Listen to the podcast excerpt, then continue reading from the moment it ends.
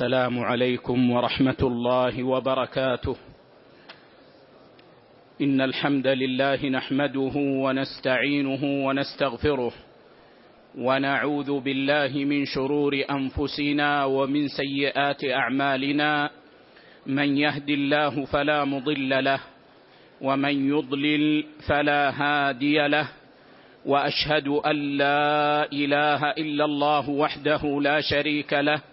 وأشهد أن محمدا عبده ورسوله.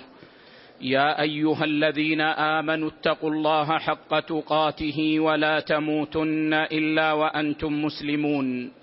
يا أيها الناس اتقوا ربكم الذي خلقكم من نفس واحدة وخلق منها زوجها وبث منهما رجالا كثيرا ونساء واتقوا الله الذي تساءلون به والأرحام إن الله كان عليكم رقيبا. يا أيها الذين آمنوا اتقوا الله وقولوا قولا سديدا. يصلح لكم أعمالكم ويغفر لكم ذنوبكم. ومن يطع الله ورسوله فقد فاز فوزا عظيما. أما بعد فإن أحسن الحديث كتاب الله. وخير الهدي هدي محمد صلى الله عليه وسلم وشر الأمور محدثاتها وكل محدثة بدعة وكل بدعة ضلالة وكل ضلالة في النار. ثم مرحبا بطلاب العلم في مسجد رسول الله صلى الله عليه وسلم.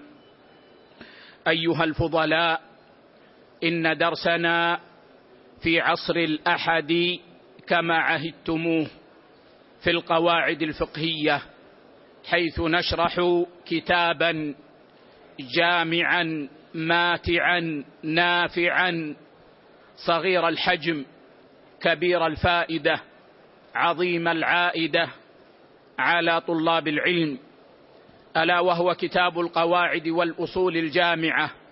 والفروق والتقاسيم البديعة النافعة للإمام المفسر الفقيه الأصولي المتفنن عبد الرحمن بن ناصر بن سعدي السعدي رحمه الله رحمة واسعة. ونبدأ مجلسنا اليوم بالقاعدة السابعة والأربعين. فيتفضل الشيخ الدكتور ياسين وفقه الله والسامعين يقرأ لنا. الحمد لله والصلاة والسلام الأتمان الأكملان على خير خلق الله وعلى آله وصحبه ومن والاه. أما بعد يقول الإمام السعدي رحمة الله عليه القاعدة السابعة والأربعون الواجب بالنذر يلحق بالواجب بالشرع. نعم. النذر أيها الإخوة هو إلزام المكلف نفسه شيئا على وجه التقرب. إلزام المكلف نفسه شيئا على وجه التقرب. إلزام بحيث يكون المكلف ألزم نفسه ولم يجعل ذلك على وجه الخيار. إلزام المكلف وهذا يخرج غير المكلف فالصبي مثلا لو أنه نذر فإن هذا لا يسمى نذرا من الناحية الشرعية لأن. الصبي لا يلزمه شيء ولا يجب عليه شيء إلزام المكلف نفسه وهذا يدل على أنه لم يكن لازما له وإنما هو الذي ألزم نفسه. وهذا يخرج التزام الواجبات. فإن التزام الواجبات إنما هو بأمر الشرع لا بإلزام المكلف نفسه بها. فلو أن المكلف نذر أن يصلي الظهر فإن هذا النذر لا يفيد شيئا زائدا لأن صلاة الظهر واجبة عليه بأصل الشرع. فهذا إنما هو من باب تأكيد الواجب ولا يفيد شيئا زائدا. إلزام المكلف نفسه شيئا على وجه التقرب أي أن يكون ذلك على وجه القربة وأن يجعل ذلك قربة. وهذا يخرج ما لو أن المكلف ألزم نفسه شيئا من أجل صحته فقال أنا ألزم نفسي أن أشرب كل يوم لترا. لماذا يا فلان؟ قال لأن هذا ينفع ومفيد للصحة. هذا ليس نذرا هذا ليس نذرا فالنذر لابد أن يكون على وجه القربة. وهذا يا إخوة هو معنى النذر العام فإنه يشمل كل نذر. يشمل ما لو نذر العبد طاعة لله عز وجل فإنه يدخل في هذا المعنى. ويشمل ما لو نذر العبد معصية فإنه يدخل في هذا المعنى لكن لا يجوز الوفاء به. يشمل ما لو نذر العبد بدعة فإنه يدخل في هذا المعنى لكن لا يجوز الوفاء به. ويشمل ما لو نذر العبد لأصحاب القبور فنذر أن يذبح شاة أو بقرة للقبر الفلاني أو للولي الفلاني المقبور أو للولي الفلاني الحي. نذر. فإن هذا يدخل في هذا المعنى. لكن هذا النذر شرك أكبر. ليس من الإسلام في شيء بل هو مخرج عن الملة. هذه النذور كلها تدخل في هذا المعنى العام. فإذا أردت النذر المشروع الذي يجب الوفاء به وقولنا المشروع يعني الذي يجب الوفاء به لأن النذر حتى لو كان لله الدخول فيه مكروه أو محرم.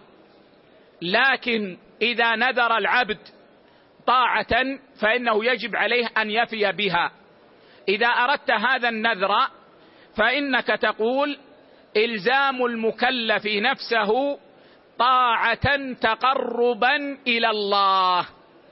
إلزام المكلف نفسه طاعة تقربا إلى الله عز وجل. والمكلف إذا نذر طاعة كأن قال لله علي أن أصلي في الليل أو قال لله علي أن أصوم فإنه يجب عليه أن يفي بنذره باتفاق العلماء. لقول النبي صلى الله عليه وسلم من نذر أن يطيع الله فليطعه. رواه البخاري في الصحيح. فهذا أمر والأمر يقتضي الوجوب. لكن كيف تكون صفة النذر وأحكام النذر؟ هذه هي المسألة. فإذا نذر العبد عبادة لا يخلو من حالين. الحالة الأولى أن يكون نذره مقيدا. أن يكون نذره مقيدا. كأن يقول لله علي أن أصلي ركعتين جالسا. لله علي أن أصلي ركعتين جالسا. فهنا قيد النذر بركعتين وبكونه جالسا. أو قال لله علي أن أصوم يوم الثلاثاء. فهنا قيد النذر بيوم الثلاثاء. فهنا يأتي بالنذر كما قيده. ما لم يمنع من ذلك الشرع. ما لم يمنع من ذلك الشرع. شخص قال لله علي أن أصلي ركعتين جالسا. فإنه يصلي ركعتين جالسا. يصلي ركعتين جالسا. طيب لو قال لله علي أن أصلي ركعتين جالسا فصلى قائما. هل يكون وفى بنذره؟ يقول لك الفقهاء نعم. يكون وفى بنذره. لماذا؟ لأنه فعل أفضل مما نذر. فعل أفضل مما نذر. فإن الصلاة قائما أفضل من أن يصلي جالسا. وبهذا تعلم أن من فقه الفقهاء أنه لو أن المكلف فوت قيد النذر إلى ما هو أفضل شرعا فإن هذا يجزئه عن نذره. طيب إنسان قال لله علي أن أصلي ركعتين بلا وضوء. لله علي أن أصلي ركعتين بلا وضوء. فقيد صلاته الركعتين بأن يصلي بلا وضوء. هل نقول يأتي بالنذر كما قيده؟ الجواب لا. لماذا؟ لأن الشرع يمنع من ذلك. يمنع العبد من أن يصلي بلا وضوء. إنسان قال لله علي أن أعتمر في شهر شعبان حافيا. لله علي أن أذهب إلى مكة معتمرا في شهر شعبان حافيا يعني بدون نعل. قيد هنا بقيدين القيد الأول أن تكون العمرة في شهر شعبان والقيد الثاني أن يكون حافيا لا ينتعل. فهنا نقول اجعل عمرتك في شهر شعبان. ولكن انتعل. لأن الشرع منعه من هذا من أن ينذر أن يذهب إلى مكة حافيا. اذا إذا كان نذر العبادة مقيدا فإن المكلف يأتي به كما قيده. ويجوز أن يفعل أفضل منه. ما لم يمنعه من ذلك القيد الشرع. والحالة الثانية أن يكون نذر العبادة مطلقا. لله علي أن أصلي. لله علي أن أصوم. نذر عبادة لكن ما قيدها. مطلقة. فهنا تأتينا هذه القاعدة. إذا متى تأتي هذه القاعدة؟ إذا كان المكلف قد نذر عبادة وأطلق. فإنه يجب عليه أن يفي بنذره. لكن ما هي أحكام الفعل؟ هل يسلك بنذره مسلك الواجب فيلزم بما يجب في الواجب أو يسلك بنذره مسلك التطوع. فله أن يفعل العبادة كما تفعل تطوعا. هذه القاعدة. والقاعدة خلافية. هل يسلك بالنذر مسلك الواجب أو مسلك التطوع. للعلماء قولان في المسألة. فمن العلماء من نظر إلى أصل المنذور إلى أصل العبادة المنذورة. فقال ما أصل هذه العبادة المنذورة؟ هل هي واجبة أو نافلة؟ الجواب نافلة.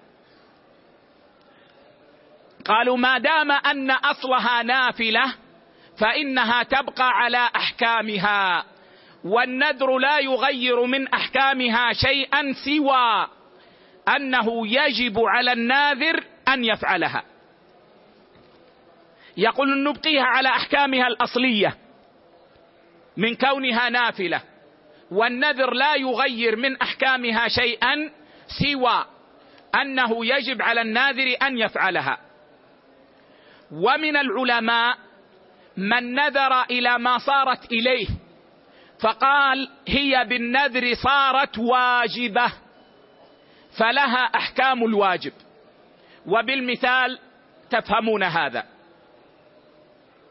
شخص قال لله علي أن أصلي صلاة لله علي أن أصلي صلاة نذر وأطلق. أصحاب القول الأول يقولون نجريها مجرى النفل فله أن يصلي جالسا. مع القدرة لأن النفل يا, أخ يا إخوة كما تقدم معنا في الفقه يجوز أن يصلى جالسا. ويجوز أن يصليها وهو راكب على الدابة في السفر. لأنها تجري مجرى النفل. وعلى القول الثاني لا يجوز أن يصليها جالسا مع القدرة لأنها تجرى مجرى الواجب.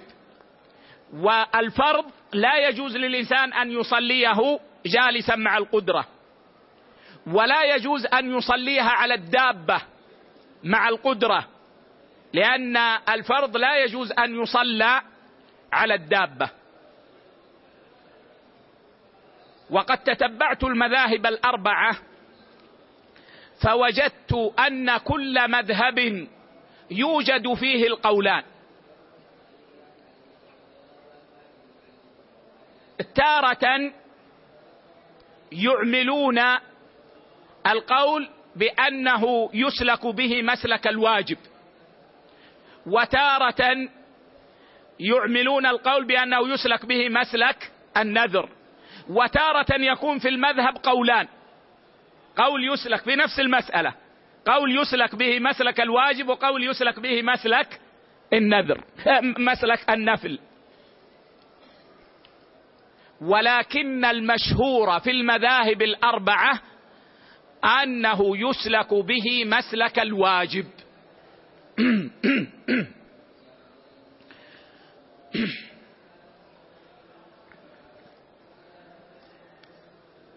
هذا المشهور الأكثر أنه يسلك به مسلك الواجب فيعطى أحكام الواجب. هذا الأغلب على مسائل الفقهاء. فهذا معنى هذه القاعدة. ونقرأ ما ذكره الشيخ ونعلق عليه. نعم. قال يرحمه الله. والشيخ هنا قال الواجب بالنذر يلحق بالواجب بالشرع لأن هذا هو المشهور عند الحنابلة.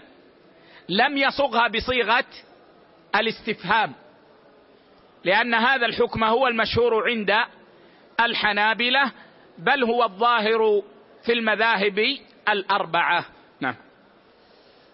قال رحمة الله عليه لأن قوله صلى الله عليه وعلى آله وسلم من نذر أن يطيع الله فليطعه يدل على أن مجرى النذر مجرى ما وجب على العبد بدون إيجابه على نفسه. نعم لأن قوله صلى الله عليه وسلم من نذر أن يطيع الله فليطعه. وهذا في صحيح البخاري. يدل على أن مجرى النذر مجرى ما وجب على العبد شرعا. لماذا؟ لأن النبي صلى الله عليه وسلم أوجب عليه أن يفي بنذره. وقد اتفق الفقهاء على أنه يجب عليه أن يفي بنذره. اذا أصبح واجبا. وما دام أنه أصبح واجبا فإنه يأخذ أحكام الواجب. نعم. قال يرحمه الله فإذا نذر صلاة وأطلق فأقلها ركعتان ويلزمه أن يصليها قائما. فإذا نذر صلاة وأطلق فأقلها ركعتان لأن أقل الواجب في الصلاة أن يصلي ركعتين أن يصلي ركعتين. فيجب أن يصلي ركعتين وليس له أن يصلي ركعة واحدة. ويلزمه أن يصليها قائما مع القدرة. فإن كان عاجزا صلى قاعدا كالفرض. فإن قال قائل لماذا قالوا فأقلها ركعتان ولم يقولوا ركعة من أجل الوتر؟ نقول لأن الوتر عندهم ليس واجبا. وهم يقولون يسلك به مسلك الواجب. فإن قال قائل على القول الثاني هل له أن يصلي ركعة واحدة؟ على القول أنه يسلك بالنذر مسلك النفل. نقول أما عند الحنفية والمالكية فلا لأن كما تقدم عندنا أقل الوتر عند المالكية والحنفية ثلاث. وأما عند الشافعية والحنابلة على الوجه الثاني على القول الثاني فإن له أن يصلي ركعة واحدة. لأن أقل الوتر عندهم ركعة واحدة. وكلا القولين موجود عند الشافعية والحنابلة. لكن المشهور في المذهب عند الشافعية والمشهور في المذهب عند الحنابلة أن أقل الصلاة هنا ركعتان لأنه يسلك به مسلك الواجب. نعم. قال رحمه الله ومن نذر صياما لزمه أن يبيت النية من الليل لأن هذا حكم صيام الفرض. لأن النفل يصح بنية من النهار. نعم قال من نذر صياما قال لله علي أن أصوم يوم الثلاثاء.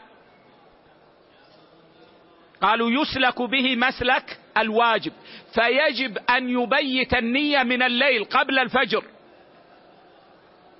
لأن الواجب يجب أن تبيت له النية من الليل. فلو أنه لم ينوي من الليل وأصبح وطلع عليه الفجر فإنه في هذه الحال يجب عليه أن يقضي هذا اليوم. يجب عليه أن يقضي هذا اليوم ولا يلزمه أن يمسك بقية اليوم لأنه لم يعتد به له وليس له حرمة مثل رمضان. يعني يا إخوة إنسان قال لله علي أن أصوم يوم الثلاثاء. في الليل ليلة الثلاثاء نسي ما نوى. ما نوى ما بيت النية. لما أصبح وأراد أن يفطر تذكر قال الله أنا نذرت أن أصوم اليوم. على القول إنه يسلك بالنذر مسلك الواجب هذا اليوم لا يغني عنه شيئا لأنه لم ينوي من الليل ولا يلزمه أن يمسك بقية اليوم. لكن على الراجح يجب عليه أن يقضي هذا اليوم. يجب عليه أن يقضي هذا اليوم. لكن لو قلنا إنه يسلك بالنذر مسلك النفل فإن له أن ينوي من النهار ما لم يطعم. لكن المرجح في المذاهب هو الأول وهو أنه يسلك به مسلك الواجب. نعم. قال يرحمه الله ومن نذر صلاة وأطلقها لم يصلها في جوف الكعبة عند المانعين للفريضة في الكعبة. نعم. من نذر صلاة وأطلقها. قال لله علي أن أصلي ركعتين. إذا قلنا يسلك بالنذر مسلك الواجب. فإن المانعين من صلاة الفرض في جوف الكعبة يقولون ليس له أن يصليهما في جوف الكعبة. تقدم معنا في الفقه أن المقدم عند المالكية والمذهب عند الحنابلة أن الفريضة لا تصلى في الكعبة. أن الفريضة لا تصلى في الكعبة. أما الحنفية والشافعية فعندهم تصلى الفريضة في الكعبة. فما يدخلون معنا هنا. عند المالكية والحنابلة من نذر أن يصلي صلاة وأطلق فإنه ليس له أن يصليها في داخل الكعبة لأنه يسلك بالنذر مسلك الواجب مسلك الواجب. أما النفل فالمذاهب الأربعة في الجملة على جواز النفل في داخل الكعبة. فلو قلنا يسلك به مسلك النفل لقلنا يجوز له أن يصليهما في داخل الكعبة.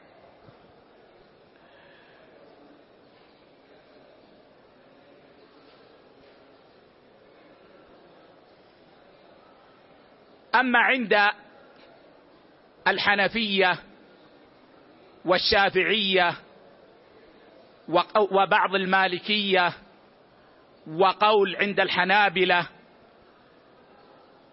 الذين يقولون إنه يصح أن تصلى الفريضة في داخل الكعبة يقولون هو مخير. إن شاء صلى في داخل الكعبة وإن شاء صلى في خارجها. وإن قلنا إنه يسلك بالنذر مسلك الواجب. نعم. قال رحمه الله نعم لو عين صلاته في الكعبة فله ذلك قولا واحدا. نعم لأنه لو عين ذلك في الكعبة خرج عن القاعدة.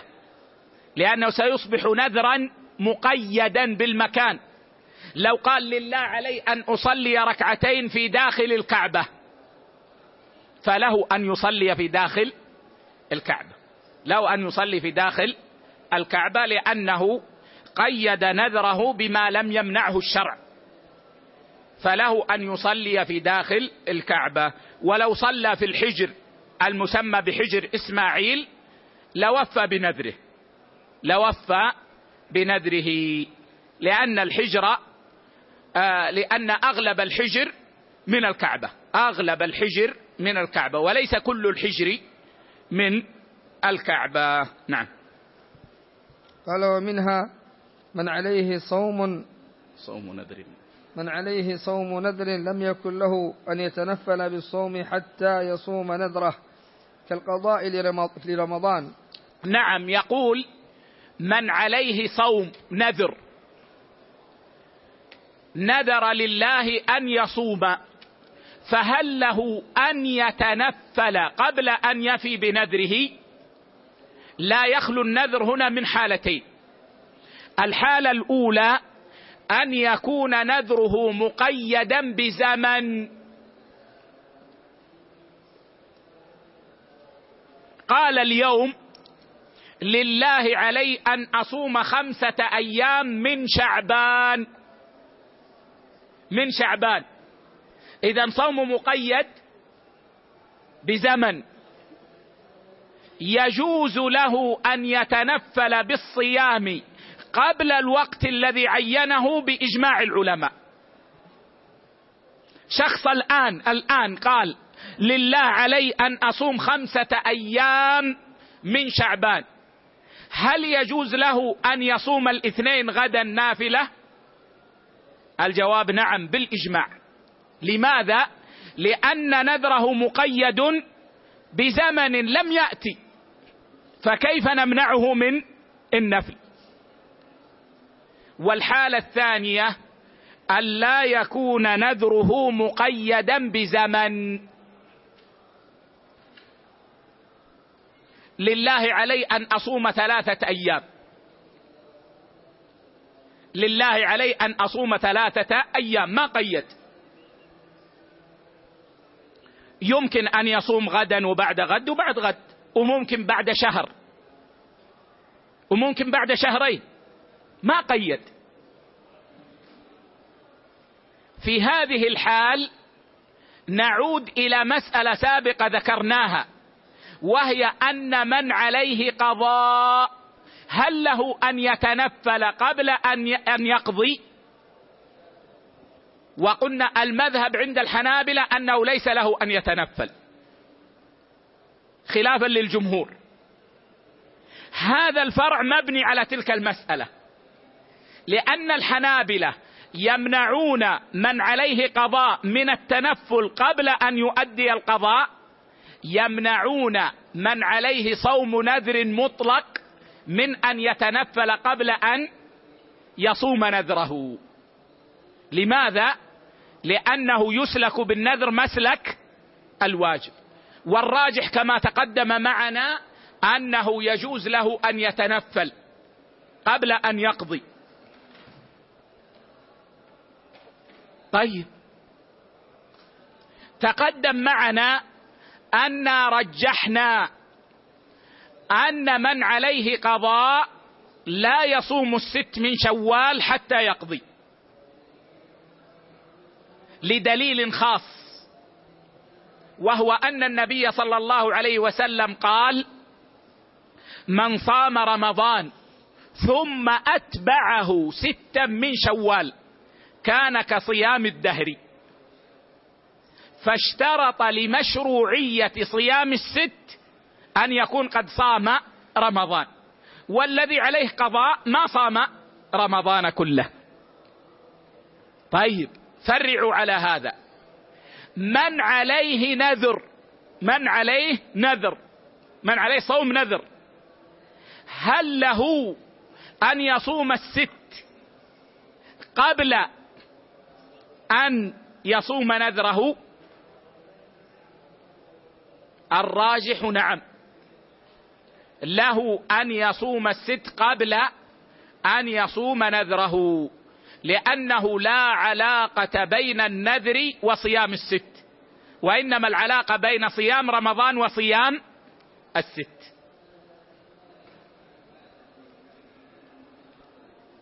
وهكذا المسألة لها أمثلة كثيرة منها ما يتعلق بالصدقة ونحو ذلك. نعم. قال وله أمثلة أخرى. نعم. قال يرحمه الله القاعدة الثامنة والأربعون. الفعل ينبني بعضه على بعض مع الاتصال المعتاد. نعم. الفعل هنا يا إخوة ليس العمل وإنما الفعل يشمل العمل والقول. يشمل العمل والقول. فالمقصود منه المطلوب قولا كان أو فعلا. أو عملا. والفعل إذا كان يطلب اتصاله شرعا. إذا كان يطلب اتصاله شرعا. فإنه لا يخلو من حالين. الحالة الأولى أن يكون صلاة. أن يكون صلاة. وفي هذه الحال تعمد قطعها يبطلها ولو كان يسيرا. تعمد قطعها يبطلها. ولو كان يسيرا. يصح تعمد قطعها ويصح تعمد قطعها. إذا جعلنا المصدر يعمل عمل فعله فإنا نقول قطعها. ويصح أن نقول تعمد قطعها. فإن تعمد قطعها يبطلها ولو كان يسيرا. وأضرب لكم مثالا. إنسان يصلي الظهر. ثم وهو في الركعة الثانية. قال السلام عليكم. وهو واقف في الركعة الثانية قال السلام عليكم. متعمدا ليس ساهيا ولا جاهلا. متعمدا.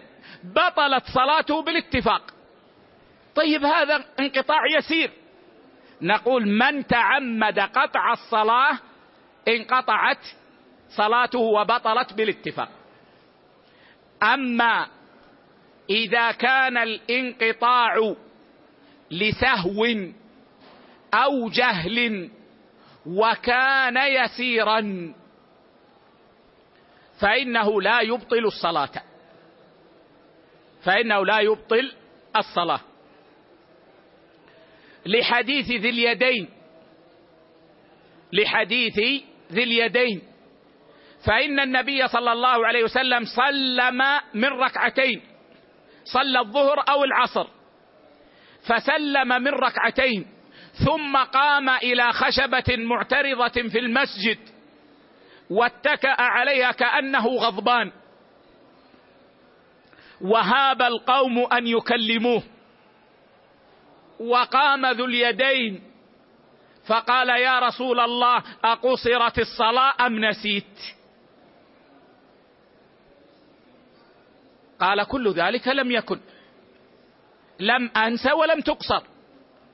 قال بلى قد نسيت. لما تأكد أنها لم تقصر جزم بالنسيان. قال بلى قد نسيت. فأقبل النبي صلى الله عليه وسلم على القوم فقال أحق ما يقول ذو اليدين؟ قالوا نعم. فصلى النبي صلى الله عليه وسلم ثم سجد للسهو بعدما سلم. فهنا قطع النبي صلى الله عليه وسلم الصلاة ناسيا. وتكلم مع الناس حال نسيانه ومع ذلك بنى على صلاته. وهذا الانقطاع يسير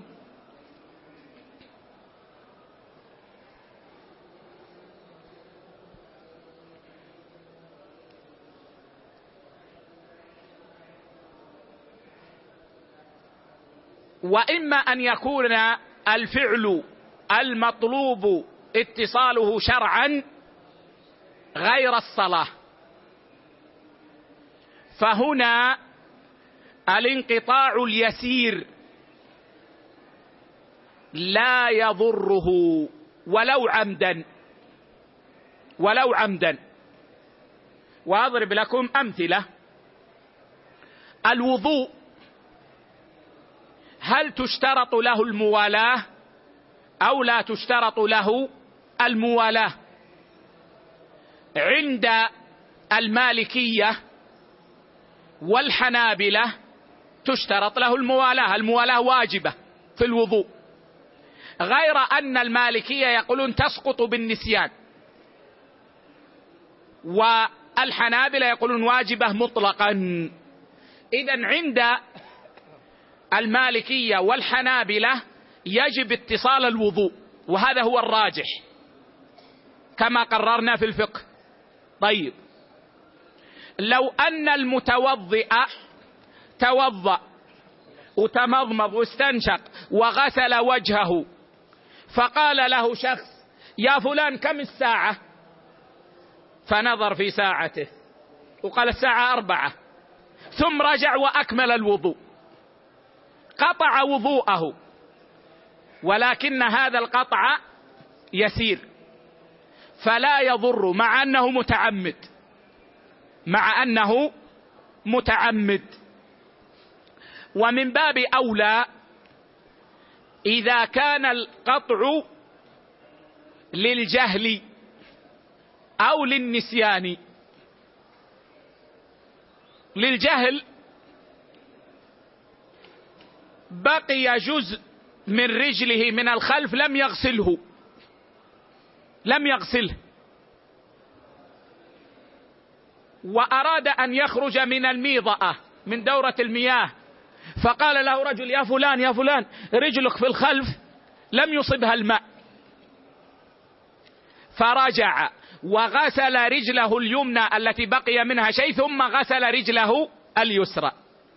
هذا حصل انقطاع يسير في وضوءه ولكنه كان جاهلا بأنه بقي عليه شيء من رجله لم يغسل. أو ناسيا توضأ وغسل رجله اليمنى ثم اشتغل فكره بشيء فنسي اليسرى ما غسلها.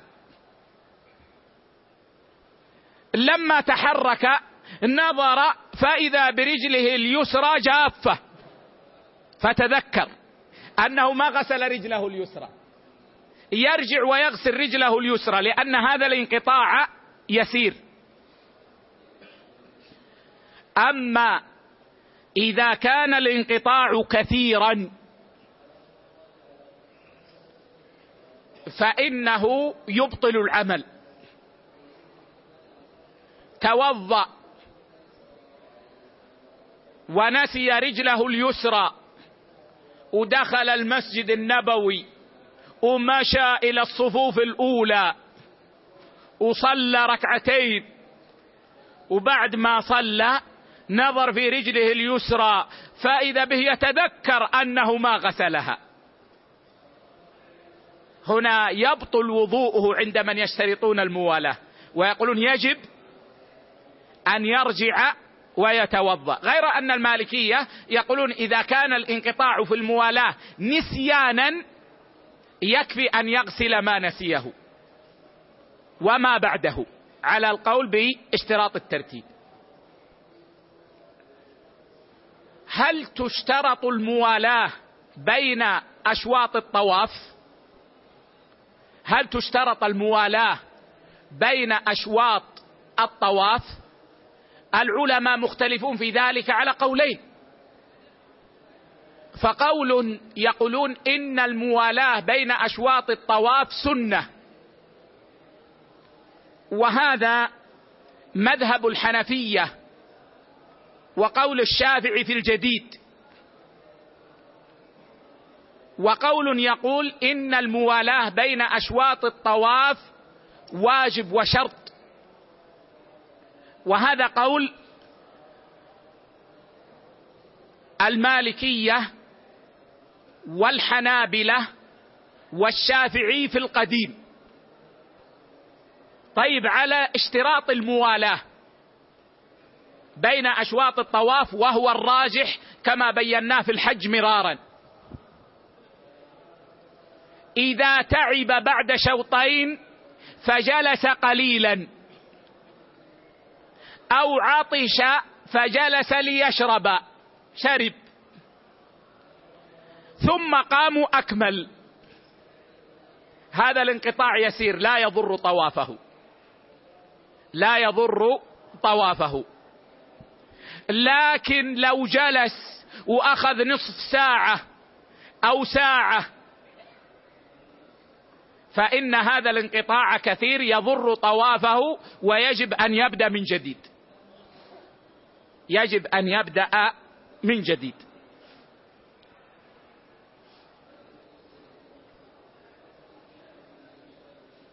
الموالاة بين الطواف والسعي. هل هي شرط؟ جمهور أهل العلم على أنها ليست شرطا. والشافعية في قول والحنابلة في قول أنها شرط. فعل القول الضعيف بوجوب الموالاة بين الطواف والسعي. إذا جلس الإنسان بعد طوافه قليلا ثم ذهب ليسعى فهذا لا يضر سعيه. أما لو بقي ساعة أو ساعتين ثم ذهب ليسعى فلا بد أن يعيد الطواف عندهم. لكن الراجح أنه لا تشترط الموالاة هنا. هذا كله في الأعمال.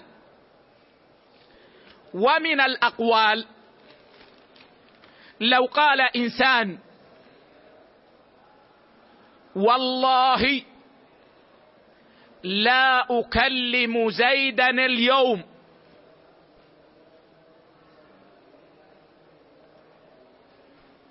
ثم شرب ماء. ثم قال إن شاء الله. تعلمون يا إخوة أن المقسم إذا قيد يمينه بقوله إن شاء الله فإنه لا يلزمه شيء. لأنه إن ترك فقد شاء الله ان يترك. لكن الاستثناء يشترط له عند جمهور العلماء الاتصال.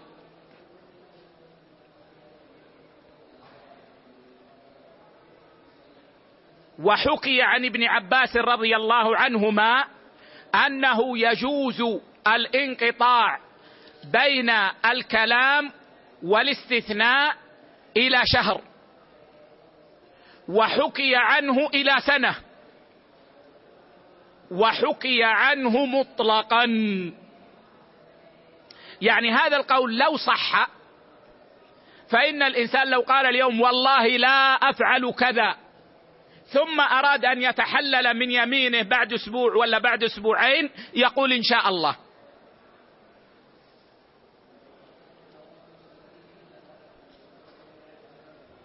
وقد روى الحاكم في المستدرك عن ابن عباس رضي الله عنهما ما يدل على هذا القول عنه. لكن الذي عليه جماهير العلماء وهو الراجح أنه يشترط الاتصال في الاستثناء ولكن الانقطاع اليسير لا يضر. قال لله علي أو قال والله لا أكلم زيدا اليوم وشرب ثم قال إن شاء الله. أو التفت إلى فلان قال ما رأيك فلان؟ قال لا ما يصلح. قال إن شاء الله. أو قال والله لا أكلم زيدا. أو قال لامرأته والله لا تذهبين إلى خالتك. فأصابه سعال. وأصبح يكح كح كح كح. ثم قال إن شاء الله. فهذا لا يضر. لأنه انقطاع يسير. إذا تبين هذا فكيف نضبط اليسير؟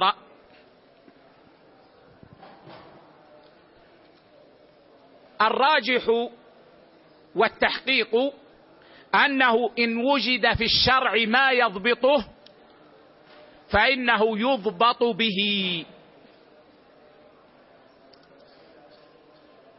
مثلا الفصل في الصلاة لمن نسي. ما ضابطه؟ ضابطه أن يكون بمقدار الحاجة ليتذكر أو يكون في المسجد أو يخرج إلى قريب من المسجد. من أين أخذنا الضابط؟ من فعل النبي صلى الله عليه وسلم. فإنه في حديث أبي هريرة في قصة ذي اليدين وقف صلى الله عليه وسلم وتكلم مع الناس حتى علم. وفي الحديث الآخر في صلاة العصر لما صلى ثلاثا ثم سلم قام فدخل بيته وكلم ذا اليدين. فهذا ضابط شرعي بالنسبة للصلاة للناس. وإن لم يكن هناك ضابط من الشرع فإنه يرجع فيه إلى العرف. ولذلك الشيخ قال هنا مع الاتصال المعتاد. المعتاد يعني ما جرت به العادة. فإذا جرت العادة أن هذا الانقطاع يسير ولا يضر فإنه لا يضر ما تشترط له الموالاة. هذا خلاصة ما يذكره العلماء في هذا الباب. نعم. قال رحمه الله وذلك أن الانقطاع اليسير عرفا بين مفردات الفعل الواحد لا يقطع اتصاله.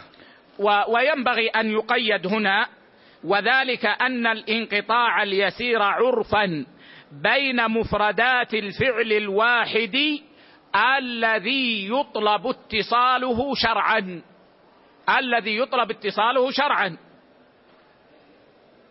لأن من الأعمال ما لا يطلب اتصاله شرعا مثل أعمال الحج. الحج عبادة واحدة ولكن أعمالها لا يشترط فيها أعمال الحج لا يشترط فيها الاتصال. نعم. قال رحمه الله مثال ذلك إذا اعتبرنا تطهير الماء المتنجس بإضافة الماء الكثير إليه لا يشترط أن يصب عليه دفعة بل إذا صب عليه شيئا فشيئا حصل المقصود. نعم. إذا اعتبرنا تطهير الماء المتنجس عندك ماء في إناء نزلت به أو أصابته نجاسة. غيرته أو لم تغيره عند الجمهور. وعلى الراجح إذا غيرته. كيف يطهر هذا الماء؟ قالوا بالمكاثرة. ما معنى المكاثرة؟ أن يصب عليه ماء كثير. خمس قرب. يصب عليه ماء كثير. حتى تت... يذهب التغير.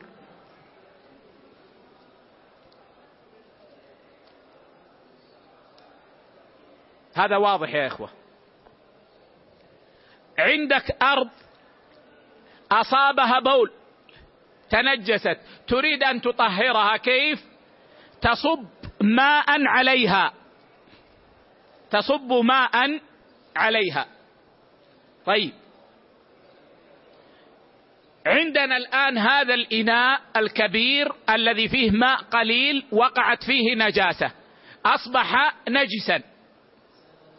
إذا صببنا الماء هل سنأتي بالماء دفعة واحدة ويقع دفعة واحدة في الإناء؟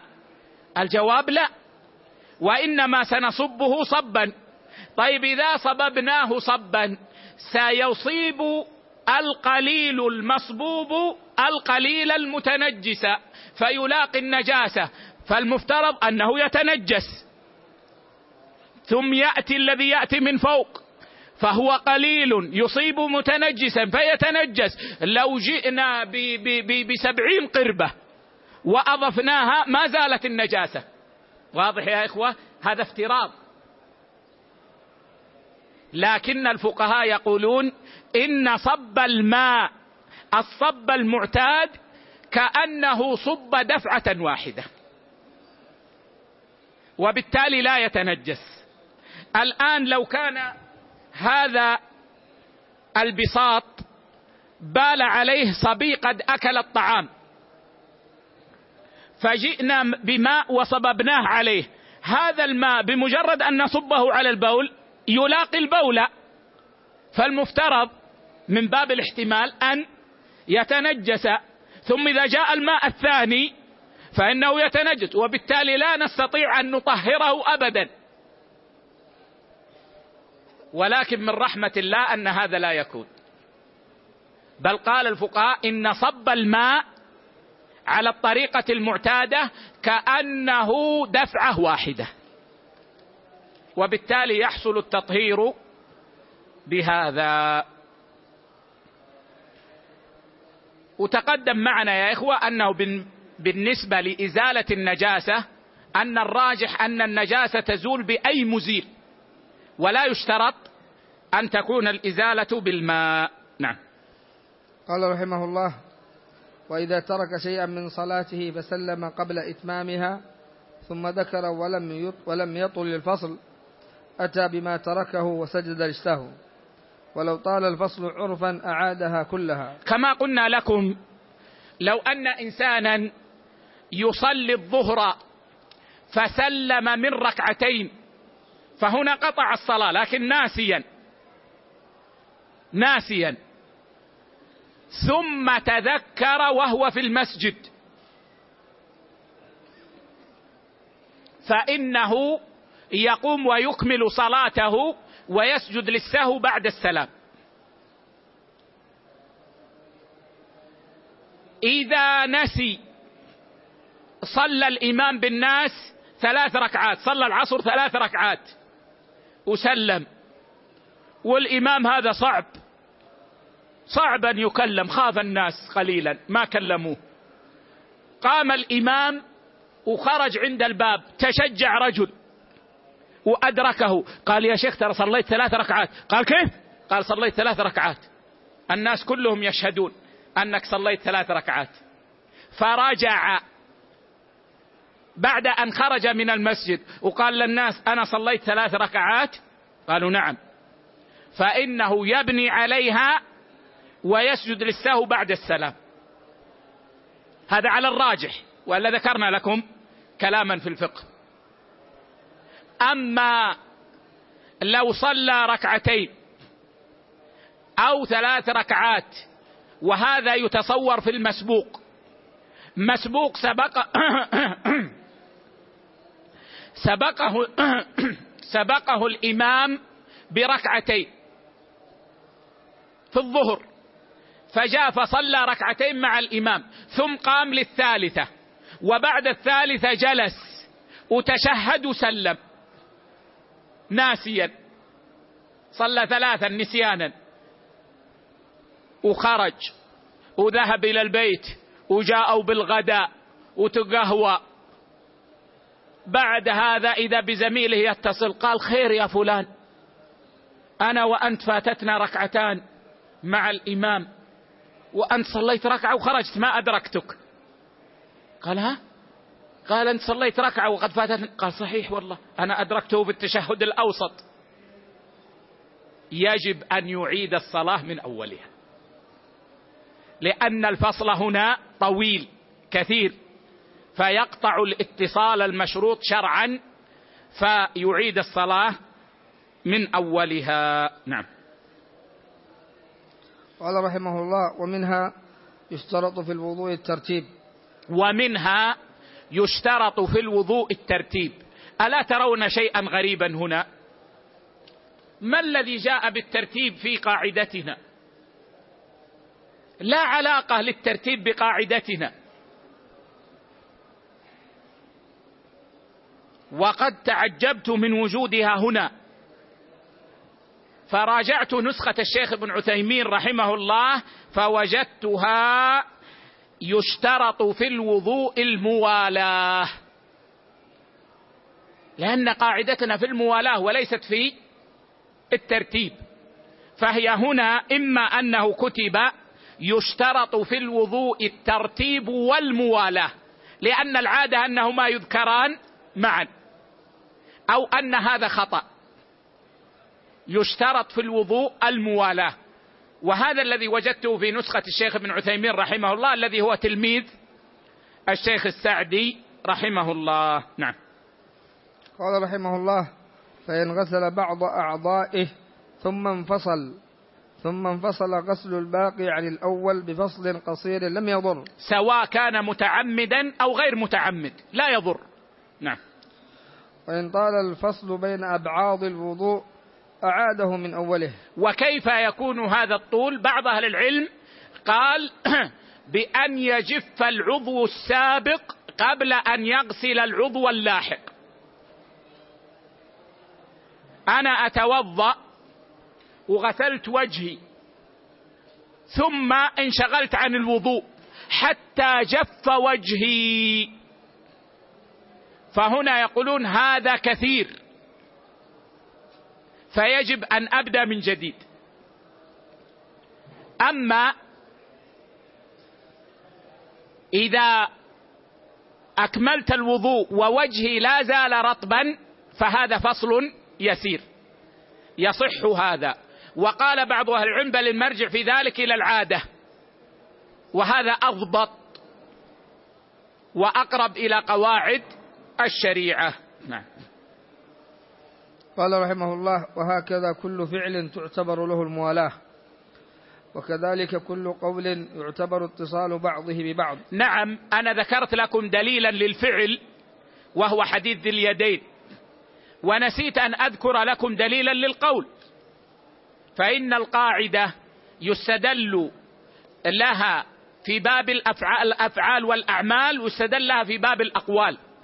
ويستدل العلماء للقاعدة في باب الأقوال بما جاء في الصحيحين من أن النبي صلى الله عليه وسلم قال في مكة لا يختلى خلاها ولا يقطع شجرها ولا يعضد شوكها. فقال العباس إلا الإذخر لبيوتنا وصاغتنا. وفي رواية لبيوتنا وقبورنا. فقال النبي صلى الله عليه وسلم إلا الإذخر. فالنبي صلى الله عليه وسلم هنا قال لا يختلى خلاها لا يقطع حشيشها.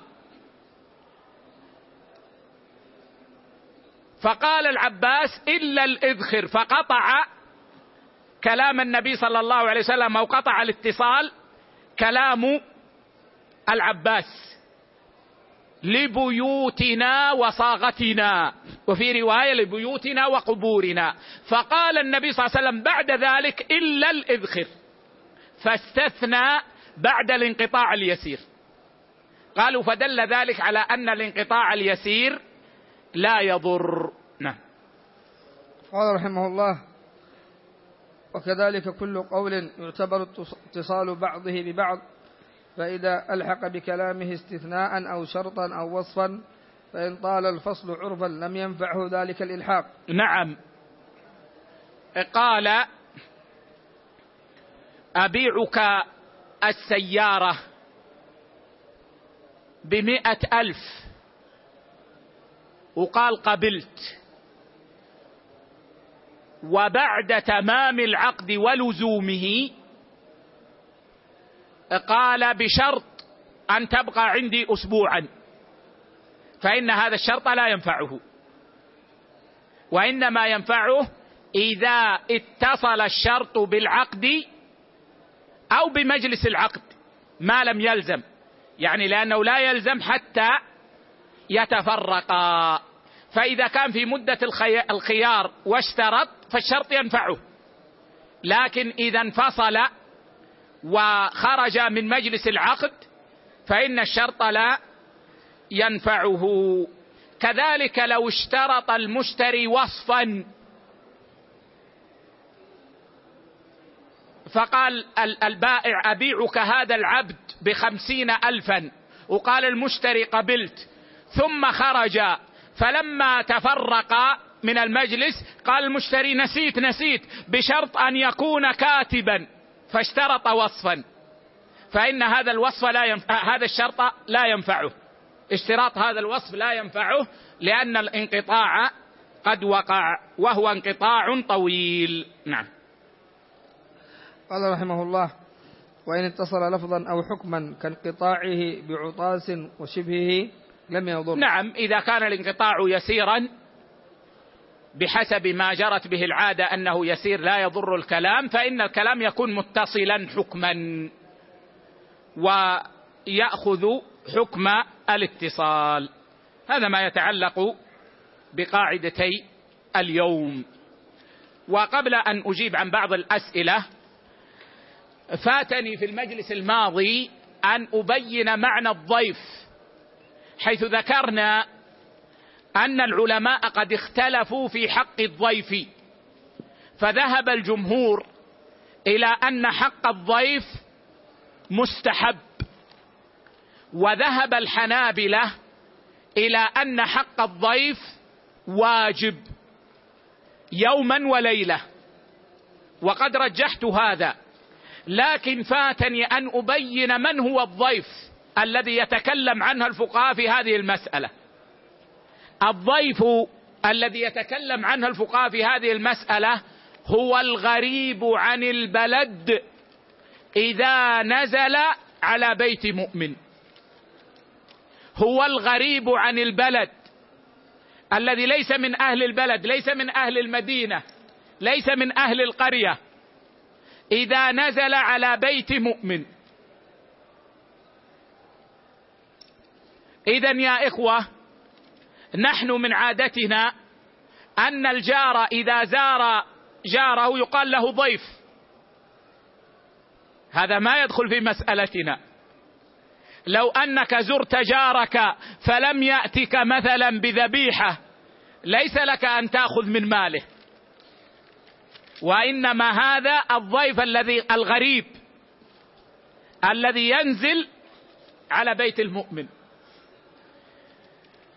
فالضيف الذي يتكلم عنه الفقهاء في هذه المسألة هو الغريب الذي ينزل على بيت مؤمن فحقه يوم وليلة. طيب ضيف جاء وذهب إلى الفندق. ما جاء إلى بيتي ولا نزل علي. ولكن يريد يتغدى ويتعشى من مالي. هذا ما يجوز له. وإنما يجوز لو جاءني فقلت لا اذهب. له أن يأخذ حقه. نعم. طيب قبل أيضا أن نجيب عن الأسئلة غدا كما تعلمون الاثنين ليس عندنا درس. ولن أجلس الثلاثاء ولا الأربعاء ولا الخميس ولا الجمعة إن شاء الله. وسأجلس السبت. في درسي الفجر والعصر. عندنا اجتماع في جدة للمناصحة. سنسافر غدا إن شاء الله. فبناء عليه لن أجلس الثلاثاء ولا الأربعاء ولا الخميس ولا الجمعة.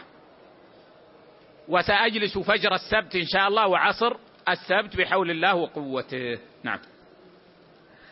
جزاكم الله خيرا وبارك فيكم ورفع قدركم في الدارين ونفعنا بما قلتم. سددكم ووفقكم وغفر الله لنا ولكم وللمؤمنين. أحسن الله إليكم الانقطاع في الأقوال. عمدا هل يلحق بالانقطاع في الأفعال؟ بعضهم يشترط لصحة الاتصال بعد الانقطاع اليسير أن يكون ناويا الاتصال لكن عرض له عارض. لكن الصحيح أن الانقطاع اليسير مطلقا. عمدا أو لعارض لا يضر. نعم. أثابكم الله وبارك فيكم. ما هو الدليل على أن الانقطاع غير اليسير يبطل الفعل أو العبادة؟ الدليل أن الشرع طلبها منك متصلة. هي الأصل. فإذا خالفت الأصل فالأصل أن تبطل. هذا الأصل. لأنك ما جئت بالشرط الشرعي. لكن لما دل الدليل على أن الانقطاع اليسير لا يضر أخرجناه من الأصل. نعم. يجب أن يتفقه طلاب العلم. الأصل لا يطالب عليه بدليل وإنما يطالب بالدليل من خالف الأصل. نعم. جزاكم الله خيرا وأحسن إليكم. كيف يعرف المسلم العرف في ضابط اليسير؟ أن يكون ذلك هو الغالب عند الناس. بحيث يجري به العمل ولا يضر عندهم. نعم. أحسن الله إليكم. يقول كيف يكون العبد صادقا مع الله ومع الخلق؟ وما, وما هو معنى قوله تعالى يا أيها الذين آمنوا اتقوا الله وكونوا مع الصادقين؟ هذا أمر عظيم. أمر عظيم. ويحتاج إلى وقت طويل. ولكن أساس الصدق القلب. أساس الصدق الإخلاص. شجرة الصدق لا تقوم إلا على إخلاص القلب. فمن كان مخلصا لله كان صادقا مع الله. فالواجب على العبد أن يتعاهد قلبه وأن يحرص على الإخلاص. نعم. جزاكم الله خيرا وأحسن إليكم. من اعتمر ولم يحلق ولبس ملابسه فماذا عليه؟ وهل له علاقة باليسير و... لا هذا لا يشترط اتصاله كما قلنا في أعمال الحج وأعمال العمرة. فلو أنه نسي فلم يحلق ولم يقصر ولبس ثيابه فإنه في هذه الحال إذا كان لم يجامع امرأته. فإنا نأمره أن يتجرد من ثيابه وأن يلبس الإزار والرداء ولو في بلده ولو في المدينة. ونقول تجرد واذهب إلى الحلاق واحلق أو قصر ثم البس ثيابك ولا شيء عليك. أما إذا جامع امرأته فإن الذي أختاره أنه يجب عليه أن يذبح ذبيحة لترك الحلق. ولا شيء عليه. وأفتي بأنه إذا مر زمن يجامع فيه الرجل عادة بين عمرته وتذكره أنه يذبح ذبيحة يذبح ذبيحة في مكة لترك الواجب نعم صلى الله عليكم إذا تركه عمدا لسبب هل يلحق بهذا؟ إذا تركه إيش؟ عمدا لسبب ترك الحلق عمدا ليش؟ لسبب من الأسباب يعني يحتاج كيف لسبب؟ أن يلبس ملابسه قبل أن يحلب إذا تعمد فهذا ارتكب محظورا عامدا فعليه فدية المحظور. وعليه أن يحلق أو يقصر. نعم. أحسن الله إليكم. يقول أريد الذهاب إلى العمرة من بلدي وأمي طلبت مني أن أذهب إلى مكة مباشرة لأداء العمرة ثم أذهب إلى المدينة لزيارة المسجد النبوي ثم أرجع إلى مكة بعمرة ثانية فهل هذا صحيح؟ ما دام أن قصدك صحيح وهو أن تزور مسجد النبي صلى الله عليه وسلم ففعلك صحيح ولك أن تأتي بعمرة وأنت راجع من المدينة إلى مكة ولعل في هذا كفاية والله أعلم صلى الله على نبينا وسلم